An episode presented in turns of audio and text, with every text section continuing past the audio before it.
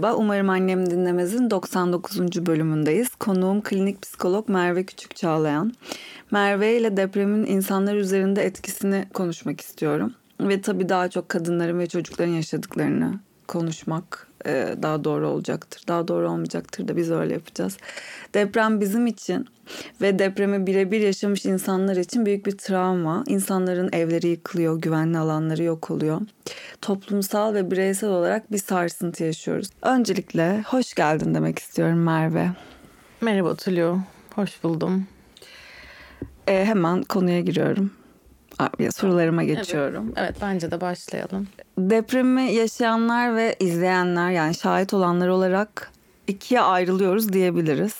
Herkes oldukça yoğun duygular yaşıyor bu dönemde. Peki bireysel olarak nasıl atlatacağız diye başlıyorum. Yani nereden başlayacağız? Ne tür adımlar atacağız? İzleyenler olarak soruyorum. Depremi izleyen taraf olarak soruyorum. Nereden başlayacağız? Hmm, yani şöyle hmm, açıkçası ben hani belki mesleğim gereği diyeyim hem de e, kişisel bir yerden bu sorulara cevap vereceğim. Çünkü e, ben de hala hem kendi iç dünyamı hem de dışarıda ne olduğu ile ilgili bir gözlem e, halindeyim. Bir de hani işte öğrendiklerim, mesleğimin bana getirdikleri var. E, bu olaya istinaden şunu söyleyebilirim. E, benim kendimi de gözlemlediğim aslında böyle bir olay yaşandı ve bitti gibi bir durumdan bahsedemiyoruz. Sanki öyle bir şeyin içindeyiz gibi geliyor bana. Ee, bir kere e, evet bir deprem oldu. Ee, çok ciddi bir yıkım oldu. Ama bundan sonrasında gelen belki de eksiklikler, yanlışlar, e, ne bileyim bizim herhangi bir otoriteye karşı belki bir güven algımızda da yaşadığımız o Hı-hı. sarsıntılar bence çok belirgin ve bu travmayı böyle bir biraz başı sonu olmayan bir şeye çevirdi gibi hissediyorum. Bir şey yaşandı e, o an e, geçmiş olmasına rağmen bizim için hala bir süreklilik mevcut çünkü ee, özellikle e, diğer deprem bölgelerinde yaşayan insanlarda görüldüğü üzere e, kendi yaşadığımız yerlerde de hiçbir şekilde güvende hissetmiyoruz. Dolayısıyla çok gerçekçi ve fiziksel bir boyutu da var. Bir yandan da ruhsal olarak herhangi bir ne içeride ne de dışarıda e, kendimizi yaslayabileceğimiz bir güvenlik e, bir otorite figürü de bulamıyoruz. Bu yüzden e, bu, bu durumda böyle bana çok hani klasik bir e, travmaya bakış böyle yeterli gelmiyor gibi hissediyorum. E, bir diğer sebebi de e, bu da yani naçizane kendi gözlemim. E, sosyal medya üzerinden aslında travmanın e, çok böyle bir tekrar o sürekliliği çok hissettiğimizi düşünüyorum. Tekrarlanıyor. Evet yani bitmiyor gibi. Yani biz tekrar tekrar o durumun içine giriyoruz. Videolar görüyoruz. Bununla ilgili önlemlerin alınmadığını, tedbirlerin alınmadığını, özürlerin dilemediğini görüyoruz. Yeni haberler öğreniyoruz. Yeni şoklar. Ve bu anlamda belki yeni daha belki o birincil travmayla karşılaştırılamayacak kadar ama yine de bununla bağlantılı bir sürü bir sürü bir şey yaşamaya hala devam ediyoruz. O yüzden hani böyle şey diyemiyorum yani evet bitti ve şu anda biz kendimize güvendeyiz diyebiliriz ve işte ne bileyim e, hani klasik böyle e, yasın ya da travmanın geçtiği işte evreler vesaire bana onlar çok böyle durumu karşılıyor gibi gelmiyor şu anda. Hala e, bir şey içindeyiz. Bu, bu, bu bit, bitmedi gibi. Tabii ki bunu ben daha bu travmanın ikinci boyutunu yaşayanlar için söylüyorum. Hani e, depremi birebir yaşamış, kayıplar vermiş, e, belki enkaz altında kalmış, ailesini kaybetmiş kişilerin e, yaşadığı şeylerle kıyaslamak e, zaten mümkün değil. E, ama bizim de gözlemleyenler ve hissetmeye çalışanlar olarak da çok e, ağır bir yükün de içinde olduğumuzu düşünüyorum. Kesinlikle öyle. Bir de bu durumu yaşayanlar ve şahit olanlar arasında kurulamayacak bir empati de mevcut. Hı hı. Ee, biz buradan izlediğimiz kadarıyla e, mahvoluyoruz, kahroluyoruz. Hı hı. Fakat biz depremi yaşamadık, enkazdan çıkmadık. Hı hı. Bizim depremzedelerin yanında olmamız şefkat göstermemiz ve alan açmamızın sınırlarını ve sınırsızlıklarını sormak istiyorum. Hı hı. Ee, evet ya bu bir suçluluk da getiriyor aslında. Ee, şahit olmanın getirdiği bir ruhsal durum da var aslında burada. Ee, bunu çok bireysel hikayelerde de aslında e, böyle çalıştığım, gözlenmediğim şeyler var burada e, daha toplumsal boyutta da hani koskocaman bir şey şahit olmak. Bunun e, bunun suçluluğuyla beraber bence herkes de kendi kaynaklarına göre, kendi bireysel belki bir anlamda bu durumla baş etme mekanizmalarına göre bence herkes böyle bir e, bir konumlandı ilk başta. Bu şey de olabilir. Yani kimisi suçluluğu daha çok hisseder, kimi öfkesini daha çok e, yaşayabilir ilk etapta. Bu birazcık e, bence nasıl hepimizin mizacı, deneyimleri böyle bambaşka şeyler yaratıyor bizden. Hepimizin karakteri çok farklı. E, verdiğimiz tepkiler de öyle. E, ama burada şeyi e, bence göz ardı etmemek lazım. Yani uzun bir süreç olacağı için e, hissettiğimiz bu suçluluğu ya da işte empati kurma arzusunun bir, bir kaynak sağlamak, bir şeyler paylaşmak bunların uzun vadede aslında e, bize bir e, geri dönüşü de olabilir. Yani atıyorum ben kendi iç kaynaklarımı çok gözetmeden eğer kendimi bu, bu buraya böyle bırakırsam bu sefer de e, kendimi unutmak, kendimi bırakmak ve aslında o tükenmişlikle kalmak gibi bir risk söz konusu. Yani ne yapıyorsak e, biraz burada içsel de bir dengeyi tutturmak gerekiyor diye düşünüyorum. Ya da öfkemizi hiç farkında değilsek, öfkemizi çok baskılıyorsak bir noktada belki onu da fark etmemiz gerekiyor. Ya burada gene sanıyorum türlü kilit nokta e, içimizdeki her duyguya izin vermek. Belki sadece çaresizliği yaşamak mesela bir süre. E, ya da hayal ettiğimiz kadar bir e, bir yardımda bulunamayacağımızı da hani kurtaramayacağımızı da e, düşünebilmek. Yani bu tabii ki çok şey yani ağır ağır konulardan bahsediyorum şu anda. Ama e, yani bunların içinden geçerken de kendimizi unutmamak çok önemli bence.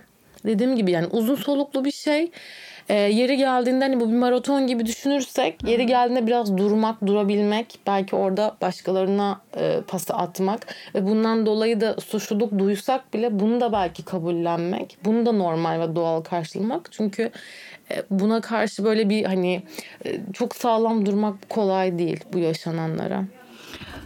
Evet yani bir sonraki sorum da aslında kaçış ee, ilk başta depremin ilk zamanları yoğun yardım, fazla koşturma, sürekli elimden ne gelir, ne gelebilir hali. İşte kaçıncı gündeyiz? İkinci, üçüncü haftaya girdik. Ee, yavaş yavaş değişti. Herkes bir durdu, bir şimdi artık yani yap, yapacak gücüm yok diyen ço- çoğaldı. Bazılarımız kaçmaya başladı. Bununla ilgili de konuşmak istiyorum. ya e, şey gibi aslında belki ona benzetebilir miyiz? Ee, düşünebiliriz. Hani bir bir şey, bir travma, bir bir şey oluyor. Bir, bir da, sinir sistemimize bir bir şekilde bir darbe indi. Öyle düşünelim beraber. Ee, burada e, hani şey gibi vahşi bir şeydesin, ormandasın ve karşına bir ayı çıkıyor ve senin bütün o e, fiziksel bütünlüğünü, hayatta kalışını aslında bir tehdit oluşturuyor değil mi? Orada ne yapıyorsun? Ya savaşman gerekiyor ya da kaçman gerekiyor. Yani bir şekilde çok e, refleksif bir tepki düzeni devreye giriyor. Yani aslında böyle bizim de hayvani tarafımız diyebileceğim daha böyle ilkel bir mekanizma devreye giriyor. Bunun belki de hani oradan şeyle belki bu daha modern hayatta bunun daha böyle bizi harekete geçiren, daha aktifleştiren, biraz da böyle manikleştiren bir şekilde ve gerçekten de hani böyle ihtiyaçlar silsilesi orada olduğunu bildiğimiz için biz bütün o yük, duygusal yük ya da işte o sinir sisteminde biriken bütün o enerjiyi böyle bir hani koşturma halinde bir nevi savaşmak gibi belki benzetebiliriz burada. Ama bu uzun soluklu olabilecek bir şey değil. değil. O, o yüzden onu maratona benzettim. Yani bir yerde de sinir sisteminin durmaya ihtiyacı var. O dengedeki şey gibi hani sempatik parasempatik sinir sisteminde eğer bir bir süre bu kadar çok aktifse bir de bunu dengeleyecek, seni sakinleştirecek, durduracak, yavaşlatacak, belki biraz düşündürecek dinlendirecek sistemin devreye girmesi lazım. Ee, bu normalde böyle ama diyorum ya yani sürekli bir haber alırken sürekli beklediğimiz destekler kaynaklar gelmezken sürekli tetikleniyoruz zaten yani sanki böyle başa dönüyoruz o yüzden tekrar tekrar o ayıyla o, o, o ne diyeyim yani o bizi alt üst eden durumla farklı şekillerde habire e, mücadele. mücadele ediyoruz evet. Evet bu yine deprem büyük bir mesele oldu yine hayatımızda. Ee, insanların ailelerini parçaladı, toplumu parçalıyor, insanı yalnızlaştırıyor. Bir sürü duyguyu aynı anda yaşıyoruz ama yalnızlık duygusu hepimizin içinde büyüdükçe büyüdü. Benim öyle özel yani ben kendi açımdan baktığımda öyle düşünüyorum. Bu yalnızlık duygusuyla nasıl baş edeceğiz ya da nasıl ka- ortadan kaldı? Nasıl yalnız olmadığımızı düşüneceğiz? Birlik, beraberlik içinde olduğumuzu düşüneceğiz. Düşünüyorum ben de şu anda. Hmm, yani hayatın bir yerde de bir gerçeği aslında o içerideki yalnızlık. Hmm, ne bileyim sen ne kadar ortak bir şey de yaşasan, deprem dışında da bir olaydan bahsediyorum. Bir yerde aslında iş dünyan sana özel ve kelimeler, e, ortak yaşantılar her ne arada köprü olursa olsun biliyorsun ki yüzde yüzünü anlatmak gerçekten tamamen iç dünyanı böyle bir ayna gibi göstermek mümkün değil. Ee, belki de bu kadar büyük bir şey yaşadığımız için bu gerçekle de yüzleşiyor olabiliriz şu an. Hani böyle hissedenler varsa söylüyorum. Ee, ya bu da biraz şey de var Tülü. Ortak bir şey yaşadık ama hepimizde e, bence temas ettiği yerler çok farklı. Yani bunu içeride ne olduğuna dair bunu anlayacak ve buna bir anlam verecek kişiler biziz. Yani bu e, tamamen e, yine depremle alakalı bir tetiklenme olabilir. Mesela işte 99 depremini yaşamış olabiliriz. Oradaki anılarımız canlanmış olabilir. Ya da dediğin gibi bizi çok yalnız hissettirmiş olabilir ve kendi yalnız olma meselelerimizle ilgili, dayanaklarımızla ilgili veya ne bileyim belki e, otorite figürüne bizden daha güçlü bir şey yaslanma ihtiyacımızı çok açığa çıkartmış olabilir. Bu bir hani içerideki bir ebeveyn figürü gibi de olabilir. Daha e, bir işte daha devlet gibi de olabilir veya ne bileyim e, bu dediğin gibi hani arkadaş bir daha komünite bir anlamında bir dayanışmayı hissetmek olabilir. Ee, burada ben şuna inanıyorum. Hani böyle bir yalnızlık yoktur vesaire demek yerine bunu kabul etmek ama terazinin diğer tarafında da bir doluluk olduğunu görebilmek. Yani evet burada biraz vakit geçirebiliriz. Bu yalnızlığı keşfedebiliriz. Bu bu neden tetiklendi? Nerelerle bağlantı kurdum şu anda ben içimde? Ne anlama geldi? Bana neyi hatırlattı? Ama bir de e, ne bileyim yani o kaynakları sağlamak zorundayız. Yani başka türlü umut, başka türlü hayatta kalmak, mücadele etmek mümkün değil zaten. Yani bu yalnız yapabileceğimiz bir şey değil. Bunu artık bence hepimiz biliyoruz aslında. Rutine dönmekle ilgili ne düşünüyorsun peki? Çok tartışılıyor işte. Hmm. E, hani rutinlerimizi aksatmayalım, rutinlerimizi gerçekleştirelim. Bu bizi hayata bağlayacak bir şeydir. Ama bazı insanlar da hayır unutmayalım deprem yaşandı oradan çıkamıyoruz da diyor. Ben de çok arada kaldım. Yani şöyle atıyorum ben rutinimi devam ettiriyorumdur. Bu benim unutmamama yardımcı oluyordur. Bunlar birbiriyle belki çok böyle tezat Hı-hı. olmak zorunda değil aslında. Hı-hı. Ama şeyleri mesela ben de görüyorum aklıma onu getirdi. Ne bileyim mesela sosyal medyada işte birisi hayatına dair bir şey paylaşıyor.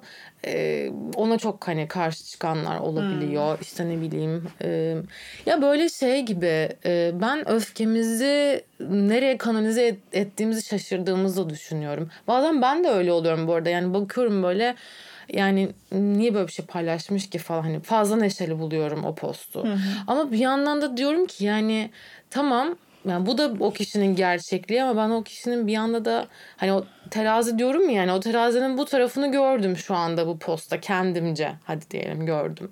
Ama o diğer tarafta ne yaptığını bilemem. Ee, bu bu kadar böyle karşıt siyah beyaz görmek bana tehlikeli geliyor açıkçası. Belki de diyorum ya yani o beni eğer daha güçlü kılıyorsa ben tam tersi hmm, bunu unutmamakla daha iyi baş edebilirim belki. Yani kısa vadede hiçbir şeyi unutmadan her şey çok öfkeli sürekli aktif e, pozisyonda durup belki dördüncü ayda e, aşırı yorulup bunlara tamamen durdurmak zorunda kalmakla bunu biraz daha dengeli böyle belki dalgalı belki zikzaklar çizerek ne bileyim mesela hani terapide de gelişim hep öyle anlatılırdı bize yani hiçbir zaman bu ilerleme grafiğini böyle düz bir hani yukarı giden bir çizgi olarak düşünemezsiniz derlerdi. İlerlemek için biraz gerilemek de lazım. Hmm. Bu bu rutini katmak da olabilir. Belki bazen diyorum ya hani o yalnızlığı hissetmekse belki biraz duvara bakıp hiçbir şey yapmamak olabilir ama belki ertesi gün e, o yataktan sürüne sürüne de olsa kalkmak olabilir.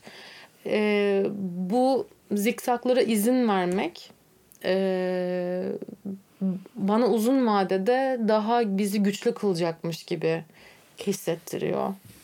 Daha sağlıklı geliyor kulağa evet. Evet daha gerçekçi, daha e, bizi bizim de ruhsallığımızı kapsayan bir yerden yani geliyor. Şimdi insanların sorduğu sorulara da geçeceğim bu Hı-hı. kısımda. Ve çocuklarla ilgili sorulara geçiyorum aslında. Tamam ne sormuşlar merak ettim. Senin e, uzmanlığın e, şey çocuk ergen Çocuk miydi? ve ergen e, üzerine, psikoloji evet. üzerine. E, çocuklarla ilgili biraz soru geldi. E, aynı Hı. soruyu çok soran oldu. Hı. Şimdi başlıyorum. Önce zaten hani çocuklarla bu dönemde nasıl iletişim kurulmalı, ne yapmalı ve hı hı. bunu hemen bağladığım bir soruda afeti nasıl anlatmalı? Hı. Yani çocuklarla iletişimde her zaman olduğu gibi aslında bir kere samimi ve dürüst olmalıyız olabildiğince. Şöyle olabildiğinceden kastım da yaşını ve e, çocuğun biricikliğini hesaba katarak. Kimin çocuk depremle ilgili zaten bilgi sahibi vesairedir. Ona pek de bir şey açıklamam gerekmez belki hani deprem nedir'e dair. Ama e, kim çocuk da bilirim ki çok dikkatli ve hassas böyle yavaş yavaş anlatmam gerekir. O zaman da ekstra bir dikkatle belki ona bırakmak, onun sorduğu kadarını ona anlatmak iyi olur. Ama e, şöyle söyleyeyim, e, gerçeğin bir kısmını verebiliriz belki ama her zaman gerçeği ve dürüstü e, yani gerçeği verip dürüst olmalıyız. Yani bunu unutmadan davranmak ve kimse bu çocuk bu bizim bir yakınımız vesaire onu e, ona özel bir tavır geliştirmeliyiz diye düşünüyorum. Diğer kısmı neydi? Aslında afeti nasıl anlatırız gibi bir hı hı. soru var. Hemen bunu o zaman şeyle de bağlayayım. Hı hı. Çocuklara bir yakınının ölümü nasıl söylenmeli? Bunu bir 3-5 kişi sormuş. Yani çocuğa ölümü nasıl anlatmalıyız? Yakının öldüğünü evet. nasıl anlatmalıyız? Anne babasının öldüğünü nasıl anlatmalıyız diyenler olmuş. Yani anne baba ölümü tabii ki bunun en en en ağır hali. E, bu aşamada bence şu önemli. böyle bir haber verilecekse çocuğun eğer mümkünse tabii ki bu şartlar altında bilemiyorum ama çocuğun kendini güvende hissettiği, çocuğun tanıdığı birinin bu haberi vermesi. Hı hı. Ee, bu haberi e, verirken de belki yani tanıdığı birinin olmasını hani söylememin sebebi aslında e, onun o duygusuna alan açabilecek birisi olması. Çocuk e, çocukların çok değişik tepkileri olabiliyor. Çocuk anında buna bir duygusal tepki verebilir. Hiç sizi duymamış, dinlememiş gibi gözükebilir. Her ne olursa olsun e, etrafında onu yakından gözlemleyecek, onu anlamaya çalışan, onun ne hissettiğini keşfetmeye çalışan o e, bir akraba, bir yakın, onu tanıyan bir abla, belki bir öğretmeni olabilir. Hani, e, bu, bu, çok önemli. E, ölümü de genelde böyle hmm, hayatın bir döngüsü gibi hani anlatmak tavsiye edilir. Orada da hani bunun bir hayatın gerçeği olduğu ee, belki işte ne bileyim genelde ben daha böyle doğa metaforlarıyla işte bir ağacın işte büyümesi, yaprakları işte çiçekler açıyor ama ondan sonra işte sonbahar geliyor. O yapraklar dökülüyor. Hmm. Hani bu böyle bir devam eden bir döngü aslında. Hayatın döngüsü de gerçekten böyle. Hani orada dürüst olmaktan kastım e, burada bir yalan yok ama çocuğa uygunlaştırdığımız bir dil var aslında.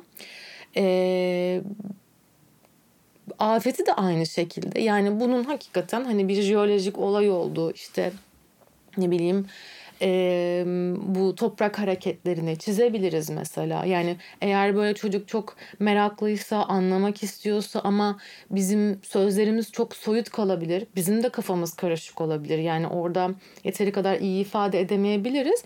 O zaman da mesela çizimlerden yararlanabiliriz. Ee, çocuk sorabilir fay hattı ne? Biz de Aa, ben de bunu biliyor musun? Çok iyi bilmiyorum aslında. Gel beraber araştıralım, öğrenelim diyebiliriz. Yani e, temelde aslında şey şu. Çocuğa vereceğimiz mesaj şu olmalı. Senin vereceğin tepkiden korkmuyorum.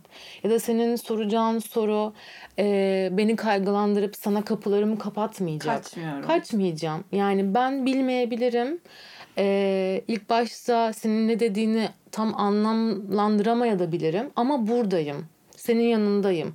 E, bu e, çok acı bir haber verirken de böyle. Belki e, deprem bizim yani yetişkin olarak bizim bir çok korkulu bir konumuz olabilir. Bizi çok tetikleyen bir konu olabilir. Bizim kaygımıza çok değiyor olabilir. Burada da tavsiyem çocuğun kaygısıyla kendi kaygınızı olabildiğince birbirinden ayırabilmek. Bazen çünkü hani hem çalışırken hem kendi sosyal çevremde görüyorum.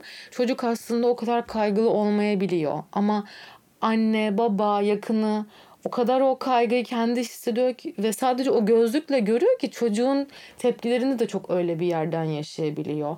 Burada biraz böyle ayrıştırmaya izin var. Çocuğu daha belki o an içinde öncelik, önceliklendirip e, onun neye ihtiyacı var? Benim aklıma böyle bir şey geldi ama bu kimin ihtiyacı? Bu cevap ya da bu tavır belki de benim ihtiyacımı mı temsil ediyor acaba?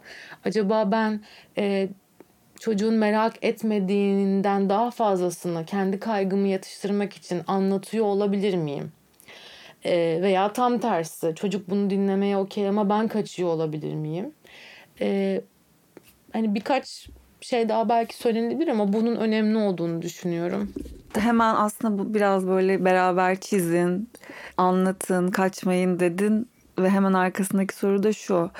Ee, çocuklar depremi, doğal afetleri oyunlarına dahil ettiklerinde tepkilerimiz nasıl olmalı? Hı. Aslında sen... Hı hı hı. On... E, e, katacaklar mı? Yani mecburen hatta bu çok sağlıklı bir ibare. Hı hı. Yani e, çocuk çünkü çocuğun öğrenme aracı, kendini ifade etme aracı oyun. Hı hı. Yani biz şu anda mesela sohbet ediyoruz. Sen bana sorular soruyorsun. Ben bir şekilde zihnimdekileri birleştiriyorum. Kelimeleri döküyorum, anlatıyorum ve bir aramızda bir iletişim gerçekleşiyor. Ama çocukla iletişimde, çocuğun dünyayla kurduğu ya da çevresiyle kurduğu iletişim böyle çalışmıyor. E, hala çünkü orada bir takım nörolojikte ne bileyim sinir sistemi olarak da yani bir sürü bir, bir hala bir büyüme içerisinde çocuk. Dolayısıyla kelimeler onlar için çok ileriki bir aşamada belki daha e, ifadeye daha hazır olacak şeyler. Oyun tamamen e, bunun için var aslında. Onların olabildiğince iç dünyalarını döktükleri. Dolayısıyla çok sağlıklı eğer bir çocuk depremle ilgili bir oyun oynuyorsa oyun oynayabilmesi zaten onun iç dünyasının hala oldukça aktif, çalışır, sağlıklı, kendini ifade edebilir. Dolayısıyla regüle edebilir. E, dolayısıyla yaşadığı şeyi anlamlandırmak için ve çevresiyle iletişim kurmak için onu aktardığını görürüz yani. içeride hapsolmuyor demek ki. Dışarıya çıkabiliyor. Dolayısıyla ben o zaman ona çok daha kolay da ne yaşadığını da gözlemleyip gerekiyorsa yardımcı da olabilirim. Bizi esas endişelendiren şey oyun oynamayı bırakmış çocuk içine kapanmış, ifade etmekten, e, yani oyun oyun olarak da oyunu bir araç olarak kullanmaktan da çekinen çocuklar ki bu deprem bölgesinde e, veya e, yakınları bir şekilde hani deprem bölgesinden gelmişler olabilir. Hani kendisi buradadır ama e, daha yakın bir teması olmuştur mesela. E, ilk zamanlar bu tür tepkiler de doğal. Yavaş yavaş çocuğa yaklaşmamız gerekiyor. Yani oyun oynamayı bırakmış olabilir, çok içine kapanmış olabilir ama biz orada panik olmadan biraz ona o şeyi vererek, o alanı vererek biraz belki sindirmesine yardımcı olarak sonra da belki minik minik teşviklerle onu anlamaya çalışabiliriz. Bir böyle pat pat geçiyormuşum gibi oluyor ama aslında hepsi birbirinden bağla hepsi birbiriyle bağlantılı diye hemen ötekine geçmeye çalışıyorum. Bir diğer konu da böyle çok tartışılan bir şey aslında. Yani benim çevremde çok tartışıldı. Çok sahaya gidip e, koşa koşa yardım etmeye çalışan birçok insan oldu. Hı hı. Ama çocuklara yardım eden de çok insan oldu. Yardım etmeye çalışan, onlarla aktiviteler yapmaya çalışan e, ve çok eleştirenler de oldu. Şimdi hı. hiçbir uzmanlığı yokken çocuklarla gidip e, iletişim kurmak, onlara bir şey öğretmek, resim yaptırtmak, egzersiz yaptırmak. Hani bunlar doğru mu? Ee, sen ne düşünüyorsun bu konuda? Ee, ya şöyle hani hmm, ya orada ne yapıldığıyla çok değişen bir şey. Yani çocuklar ya bunu şey gibi düşünebiliriz yani bir tür psikolojik ilk yardım gibi ise orada birilerinin var olması e, ne bileyim belki mi ya şu anda şey boyutundayız sonuçta oyuncakların oraya gönderilmesi işte hala çadır diyoruz mesela hani e, zaten şu anda e, zamansal olarak da gidip oraya işte terapi yapalım hemen işte bu bu yası tutalım gibi bir dönemde değiliz zaten. Yani eğer oraya giden gönüllüler de ekstra böyle bir e, terapatik bir şey yaptığı iddialarında değillerse ve nispeten bu anlamda dikkatlilerse takıldığı noktalarda belki hani bir sürü gönüllü de var aynı zamanda e, online de iletişim kurulabilir vesaire. Yani o kendi sınırlarını ve e, şey anlamında yardım anlamında da veya bir çocuğa destek anlamında da sınırlarını biliyorlarsa bunu ben faydalı da buluyorum. Yani tam orada belki senin aklında spesifik bir şey var mı? Hani şöyle bir uygulama gördüm diyebileceğin. Hayır hayır öyle bir spesifik bir şey değil. Sadece duydum yardım etmeye giden e, bir sürü şey et, etkinlik yapan bir hı hı. grup hı hı. E, grubun içine bir takım işte psikologlar dahil olduğunda siz ne yapıyorsunuz? Hani o kadar hayatınızın hayatlarının içine girmeyin. Bu kadar hmm. sarıp sarmalamayın. Hmm. Hani bazı şeyleri alıştırın.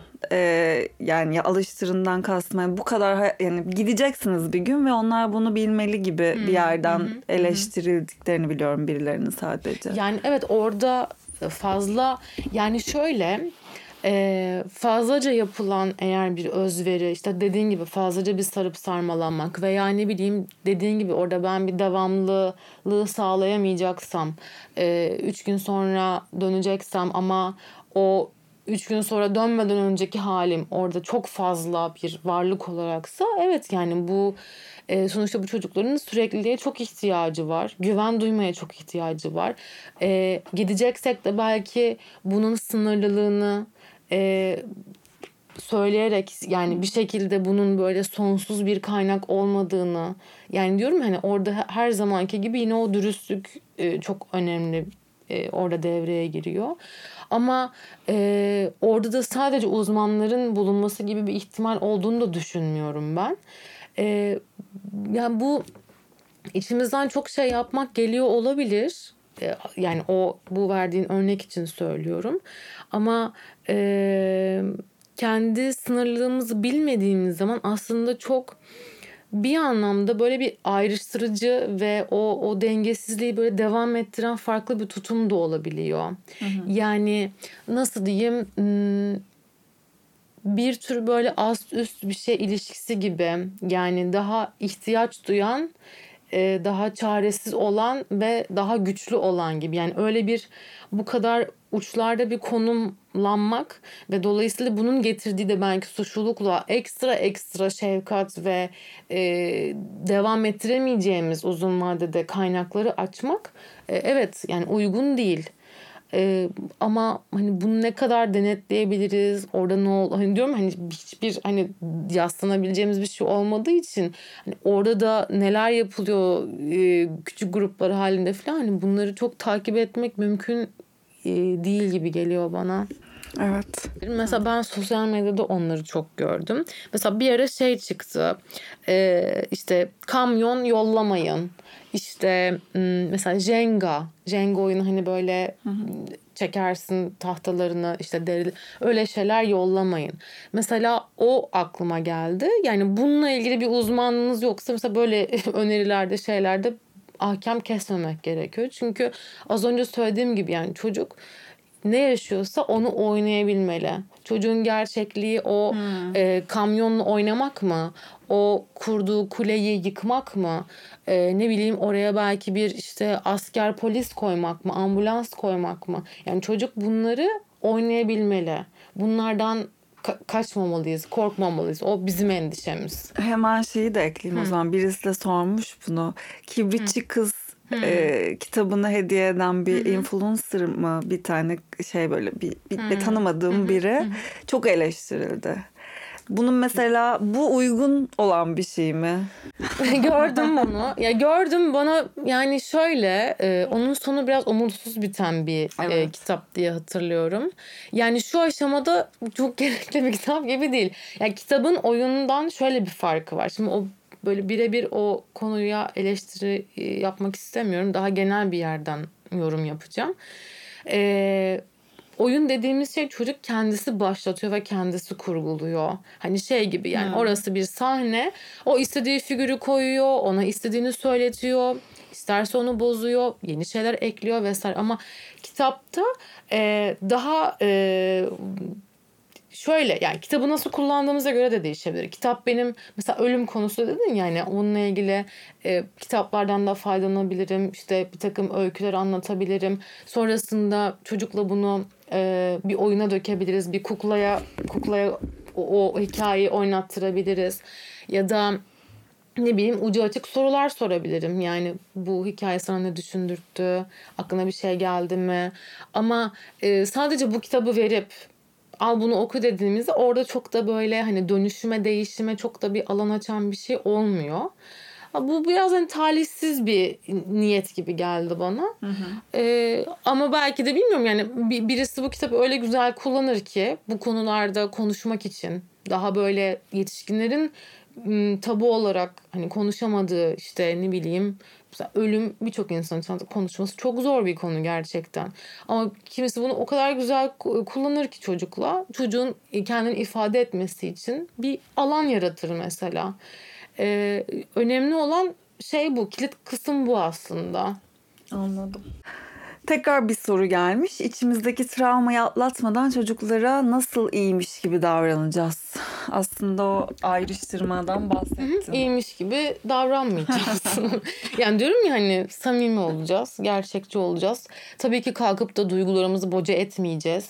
Ama işte onun yanında ağlamayacağız, çok güçlü duracağız falan gibi şeyler yok. Ama bunun yanında e, onu haberlerle, sosyal medyadaki görsellerle e, tekrar tekrar travmatize etmeyeceğiz. Onları bu bu yüke katmayacağız mesela. Ama e, ne kadar üzgün olduğumuzu, bazen e, çaresiz hissettiğimizi, korktuğumuzu söyleyeceğiz. Ama diyorum yani o terazinin diğer tarafında da ama bir çocuğa e, aynı şekilde güveni, e, şu anda iyi olduğumuzu, iyi olmak için gerekli şeyleri bir yetişkin olarak o sorumluluğu aldığımızı da göstermemiz gerekiyor. Yani ne bileyim mesela e, binamızla ilgili bir çalışma yaptırıyoruzdur. Bunu çocuğumuzla paylaşabiliriz. E, veya bir deprem çantası hazırlayacağız. Bu çocuktan böyle saklamamız gereken bir şey değil. Tam tersi hatta Beraber o da gelsin. Hı. Aynen içine mesela belki kendisi bir oyuncağını koymak isteyecek. Bir fikir verecek. Ee, yani işin içine katmak ama e, diyorum yani yaşını ve onun karakterini de gözeterek. Yani kim bu çocuğa bu anlattıklarım fazla da gelebilir. O zaman belki sadece daha ım, bir e, sohbette bırakmak belki de. Hı hı. Ama kim çocuğa çok aktif, çok iyi hissettirebilir. Yani şu aklıma geldi, şu önemli. Ya biz de çok kontrol kaybetmiş hissediyoruz. Birçok çocuk da öyle. Özellikle çocuklar için şunu söyleyebilirim. Ee, mesela e, oyunlarda onların daha aktif ve daha güçlü hissettiği oyunlar yapabiliriz mesela. Atıyorum işte e, ne bileyim bir yastık savaşı bir şey yapıyoruzdur. Çocuk bize işte çocuk yenebilir veya biz işte öğrenci oluruz o öğretmen olur. Öyle bir oyun kurmuştur atıyorum çocuk. Biz daha böyle işte ne, ne cevap vereceğini bilemeyen, zorlanan öğrenci rolüne geçebilir. O daha işte belki bilen, öğreten, öğretmen rolünde olabilir. Eee yani şey oyun sayesinde aslında e, daha eksik kalan, daha zorlanan tarafı besleyebiliriz. Hı hı. Bu da işte onların biraz daha kontrolü elinde hissettikleri bir bir şeylerle mümkün. Hani aklıma geldiği için şu an hı hı. söylüyorum. Bunlar e, hani ebeveynlerin mesela yapabileceği şeyler arasında olabilir. Sohbet etmek ve e, işte depremi anlatmak dışında. Peki sorularım bitti aslında. Hmm. E, dinleyicilerin e, sorularından çok kişisel soru hmm. geldi. Hmm. Onları sormuyorum hmm. ama bir bir tane iki tane sorayım istersen cevap ver. Tamam bakalım. E, bu süreçte yeni anne olarak kendini nasıl korudu bebeğine hissettirmemek için gibi bir soru geldi. Güzel soru. yani tamam şöyle cevap verebilirim. Ee, ben kendimi şunu fark ettim annelik böyle insana şöyle bir şey yapıyor.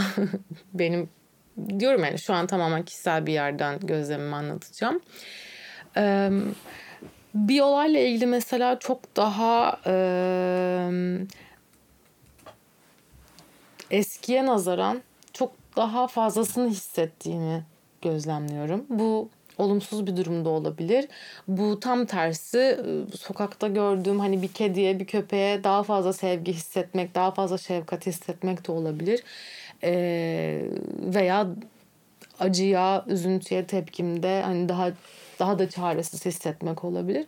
Ama e, şunu da fark ettim ki çok şükür aynı zamanda kendimde şey de yapabiliyorum daha e, bir, bir bebeğim, bir çocuğum olduğu için kendi içsel kaynaklarımı da daha rahat e, buluyormuşum hmm. gibi geliyor. Yani ben bunları hissedebilirim. Belki tam da hatta o hissetmek beni nispeten daha güçlü bir yani çok çelişkili bir şey söyleyeceğim ama yani böyle hissediyorum.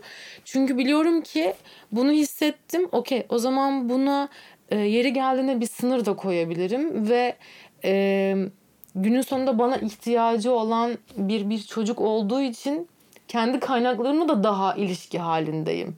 Yani hem zor duygularla daha çok temas ettiğimi hissedebiliyorum.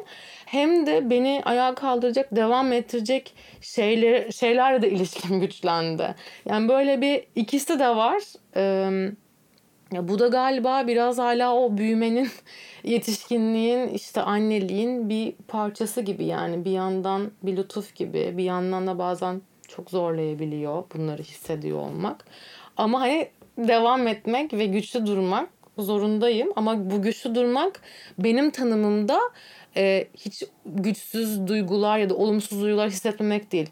Tam tersi. Onları da hissederek, onları da içimde yer vererek güçlü hissetmek gibi. Bilmiyorum tam şey yapabildim ben ama. anladım. Ben güzel, güzel ifade ettin. Böyle bir şeyler oluyor yani içimde şu anda. bir kişisel soru daha.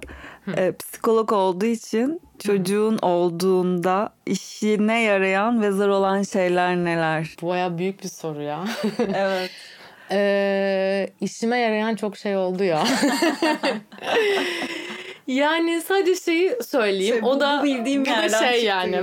Bu da böyle ne bileyim hani bizi dinleyen anne adayları, anne olmak isteyenler, anne hissedenlerin hatırına diyeyim. Yani çok böyle hani biliyorsun beni çok böyle paylaşım e, yapmayı sevmiyorum ama hani işime yarayan şöyle şey oldu. E, bir doğum mun e, sadece bir doğum olmadığını, sadece bir çocuk dünyaya getirmek olmadığını, e, neredeyse bu böyle üç kuşağın konularını aktive eden, e, yeni annenin, e, bir annenin doğumu, bir bebeğin doğumu, evlat olarak annenin tekrar konumlanması, e, bir anneanneyi aynı şekilde dünyaya getiriyorsun. İşte bir üst kuşaktaki nine oluyor, dedeler oluyor. Yani e, bunun ne kadar da e, farklı, e, bazen komplike, bazen e, zenginleştirici bir şey olduğunu bildiğim için e, ne bileyim ya da işte eş, baba, e, bütün o çekirdek aile ve büyük ailenin geldiği noktaları biliyordum. O yüzden gördüğüm değişimler, dönüşümler ya da değişemem, değişemeyişleri nispeten e, daha iyi gösterdiğimi düşünüyorum. nispeten. Bunların başıma geleceğini biliyordum. Geldikçe daha okey ben bunu okumuştum gibi oldu. Ama tabii hiçbir zaman da böyle şey gibi olmuyor. E, kitapta okudum ve e, öğrendim değil. Yani içinden geçmeden hiçbir şey olmuyor. Teşekkür ederim Merve. Sonunda umarım annem dinlemeze geldiğin için. Evet nihayet geldim gerçekten ve 99. bölümde e, olmuş olmak da bilmiyorum neden Hoşuna ama gitti. hoşuma gitti. Evet hoşuma gitti. Hepinize sevgiler. Bu program bitti arkadaşlar.